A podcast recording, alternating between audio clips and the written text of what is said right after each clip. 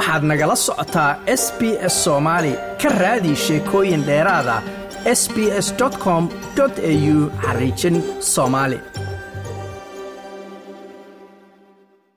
waxaa weli deegaano badan oo ka tirsan gobollada hiiraan iyo galgaduud ka socda dhaqdhaqaaq iyo howlgallo ka dhan ah al-shabaab oo ay wadaan ciidamada dowladda oo garab ka helaya maleeshiyada deegaanka waxaana saacadihii ugu dambeeyey ciidamada dowladdu ay la wareegeen gacan ku-haynta deegaano dhowra oo ay ka mid tahay buqa qable oo ka tirsan gobolka hiiraan iyo deegaano ka tirsan gobolka galgaduud halkaasoo in ka badan toban sano ay maamulayeen xarakada shabaab dhanka gobolka baay deegaana u dhow degmada baydhabo oo fadhiisan kumeel gaar u ah maamulka koonfur galbeed ayay ciidanka maamulka koonfur galbeed iyo kuwa dowladdu ay kala wareegeen al-shabaab iyadoo halkaasi uu ka dhacay dagaal sababay dhimasho iyo dhaawacyo soo kala gaaray labada dhinac dagaaladan iyo howlgalladan ayaa waxaa ka soo muuqday oo horkacaya wasiiro iyo xildhibaano ka tirsan dowladda dhexe iyo maamul goboleedyada dalka kuwa oo u muuqda kuwa dhiirigelinaya shacabka deegaanada ay ka soo jeedaan. Wasiirka gaashaandhigga cabdulqaadir maxamed nuur jaamac iyo taliyaha ciidanka xoogga dalka jenaraal odowa yuusuf raage ayaa gaaray deegaan ka tirsan bariga gobolka galgaduud waxaanay ka hadleen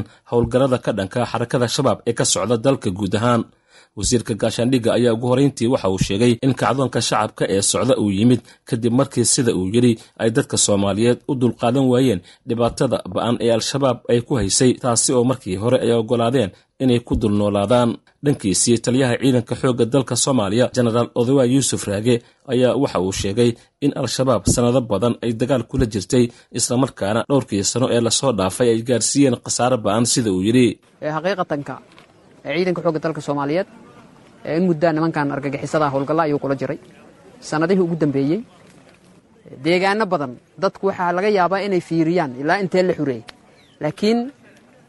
waxaysan weli dadka soomaaliyeed aysan fiirin cadowga. Sannadihii ugu dambeeyey maxaa gaaray? Khasaaraha gaara intay la ekaayeen muddo laba sano ilaa saddex sano ahay aan soo dhaafnay al-shabaab. Goob ayan ku dagaalamin ay guul kala noqdeen ma jirto. Waxaa haddana ilaahay mahaddiisa in maanta dadka soomaaliyeed ay garwaaqsadeen oo ay fahmeen wax la sii fiirsan kara inaysan ahayn. Haddii aanay nafu kuu badbaadayn oo aanu maal kuu badbaadayn oo sharaf iyo cisi aanay kuu badbaadayn oo wax kuu dhowrsano aysan jirin maba garan kara wax hadda dadka soomaaliyeed wakhtigan inay ku soo gaarto maba ahaynba laakiin ilaahay baa mahadda iskale dhammaan bulshada soomaaliyeed iyo maamullada dowlad goboleedyada runtii in ay maantay dabcan bulshadii iyo qarankii dowladdii dhexba dhammaan in bulshadiiyo aan kala harin dhinac kastay tahay. Ay ka go'an tahay inay nimankan la dagaalamaan. Dabcan ciidanka xogga dalka soomaaliyeed wuxuu sii wadi doonyaa dardargelinta iyo xoojinta howlgalladaas. Waxaan allah subxaana watacaala naxariistiisii janno uga baryayaa guud ahaan saraakiisha iyo saraakiil xigeennada alifleyda dableyda runtii ku shahiiday howlgallada kala duwanaaya dalka ka socday inta ay ku jireen. Inta ku dhaawacantayna waxaan leenahay ilahay caafimaad ha siiyo. Meeshaan dabcan hadal badan uma baahno. Jasti keliya waxaan ku soo koobayaa dhammaan in allaale iyo inta ka qayb qaadato. Qof walba kaalinta ay ku laheeday deegaankan inaan hadda maanta isugu nimaado. Aad iyo aad ayay ugu mahadsan yihiin odawaa yuusuf raage taliyaha ciidanka xoogga dalka ayaa waxa uu dhanka kale shacabka iyo sidoo kale maamulada kale ee dalka ugu baaqay inay qaadaan tallaabo la mid ah midda lagu xuraynayo deegaanada ay ku sugan yihiin xarakada shabaab. Waxaan dhihi karaa runtii guul la gaaray tan uguma horayso tanna uguma dambay doonto iidanka ilaahay. Waxaan rabnaa in ay hore u sii socoto la dagaalanka iyo dabargoynta nimanka argagixisada ah halkan ciidan badanaa fadhiya. Waxaa iidan runtii xusid mudan. Waxaa halkaa nala jooga magaalada muqdisho ciidan ka soo baxay oo hadda inta noogu yimi ayaguna. Saraakiil iyo saraakiil xigeyno aad u qiimo badan. Oo magaalada muqdisho ayaguna ka soo kaxeeyey gaadiid iyo qalab ay ciidankaanu lahaayeen. Oo dhulka si nabada ku soo maray. Kaliya intaas ma ahane waxaan rajaynaynaa insha allahu tacaala iyadoo dhammaan waddooyinka ay furmaan oo dadka soomaaliyeed si nabada oo aanay cidna uga baqayn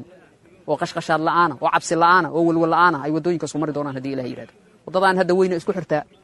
meesha la yidhahdo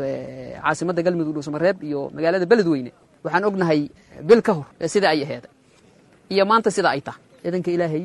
waxaan rajaynaa nafiskaas iyo iyo muxuu ahay ii sheeg naruuradaas in ay gaarto dhammaan bulshada soomaaliyeed oo dhan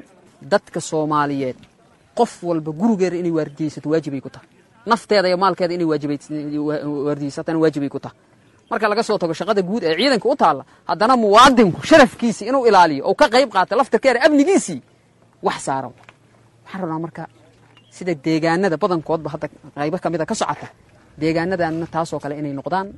oo abaabulkaas oo kale uu yimaado. Dhanka kale shir ballaaran oo ku aadan xoojinta iyo ilaalinta xuquuqda aadanaha gaar ahaan tacadiyada loo geysto carruurta iyo haweenka ayaa ka furmay magaalada muqdisho. Shirkan oo ay soo agaasintay wasaaradda haweenka iyo xuquuqul insaanka ee dowladda federaalk ee soomaaliya ayaa waxaa ka soo qaybgalay dhammaanba wasiirada haweenka maamul goboleedyada dalka ururada haweenka ee ka jira caasimada iyo gobollada dalka waxaana furitaankiisii ka hadlay gudoomiyaha golaha shacabka ee baarlamaanka soomaaliya sheekh aadan maxamed nuur aniga oo ku hadlaayo magaca golaha shacabka federaalk baarlamaanka federaalka soomaaliyeed waxaan aada ugu faraxsanahay qaabka maaragtay wasaaradda u ballowday iyo hay'adaha ku gacanta siiyey in yacni la siiyo muhiimadda ugu ugu weyn arrimaha xuquuqul aadanaha iyo dadkeenii maaragtay tabardaran sida haweenka waayeelada carruurta iyo dadka naafada ah xuquuqdoodii in maaragtay yacni arrimaha ugu muhiimsan oo lagu ballaabayo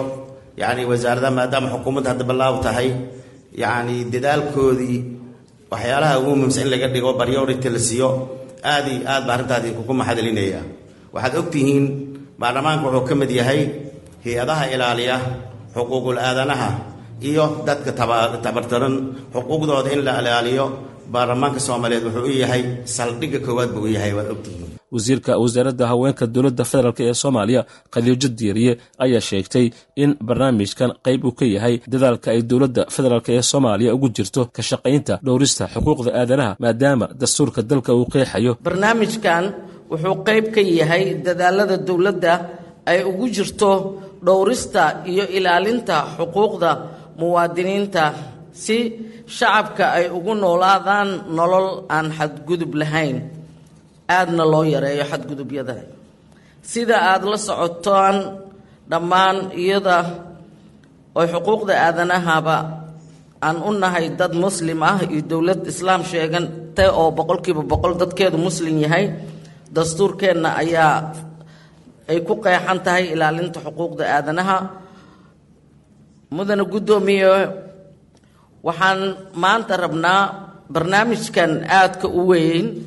Waxa uu ka mid yahay waxyaabaha lagu difaacayo xuquuqda shacabka soomaaliyeed gaar ahaan dadka aadka u jilicsan haweenka carruurta naafada iyo waayeelka kale. Aan marka waxaan rabnaa in la gaarsiiyo dhammaan bulshada soomaaliyeed gobol degmo iyo tuulo. Meel kasta oo qof soomaaliyeed ku nool yahay. Wasiiradda haweenka maamulka koonfur galbeed oo ka mid ahayd mas'uuliyiintii halkaasi ka hadashay ayaa sheegtay in wejiga koowaad ee shirkan uu ka dhacay xarumaha maamulada dalka gaar ahaan hirshabeelle iyadoona hoosta ka xariiqday muhiimadda uu haweenku u leeyahay barnaamijkan maadaama haweenku ay yihiin kuwa ugu nugul ay ku dhacaan tacdiyada dalka ka dhaca joint programkan ee face twogiisa face oneka ka dhacay maamul goboleedyada dhan oo wadanka ee boqolkiiba toddobaatan maamul goboleedyada dhan ka dhacay laga soo shaqeeyey ka dowlad ahaan ee maamulka hirshabeelle waxaan ka shaqaynay boqolkiiba toddobaatan oo wacyigelinay degmooyin fara badan ee ay gaartay programkan ee joint programka human rightska ah. Waxaan mar walba aan wacyigelin ka soo binnay deegaano fara badan oon kala shaqaynay oon ka bogaadan inaan la shaqayna rayidka ay ugu horeeyaan haweenka haweenkii ayaa mar walba saameyn ku leh in aan xaqooda lagu tunto ama dhibka markii wadanka hadda ka jira waa aragtaan amni darada gaajada abaarta hadda wadanka saameysay waxaa dhibaato weyn mar walba ay dumarka kala kulmaan qaxa kufsiga maxaa la dhihi jiray dadka reemiiga oo guuraaga ah mostly wixii dadkii oo dhibaatadaas ku dhacda waa dumar ee dadka baahida gaarka qaba ee curyaamaha. Marka human rightska waa brogram loo baahan yahay mar walba in lagaga shaqeeya wadanka like aas la wadaag wax ka dheh lana soco barta facebooka ee sb s soomaali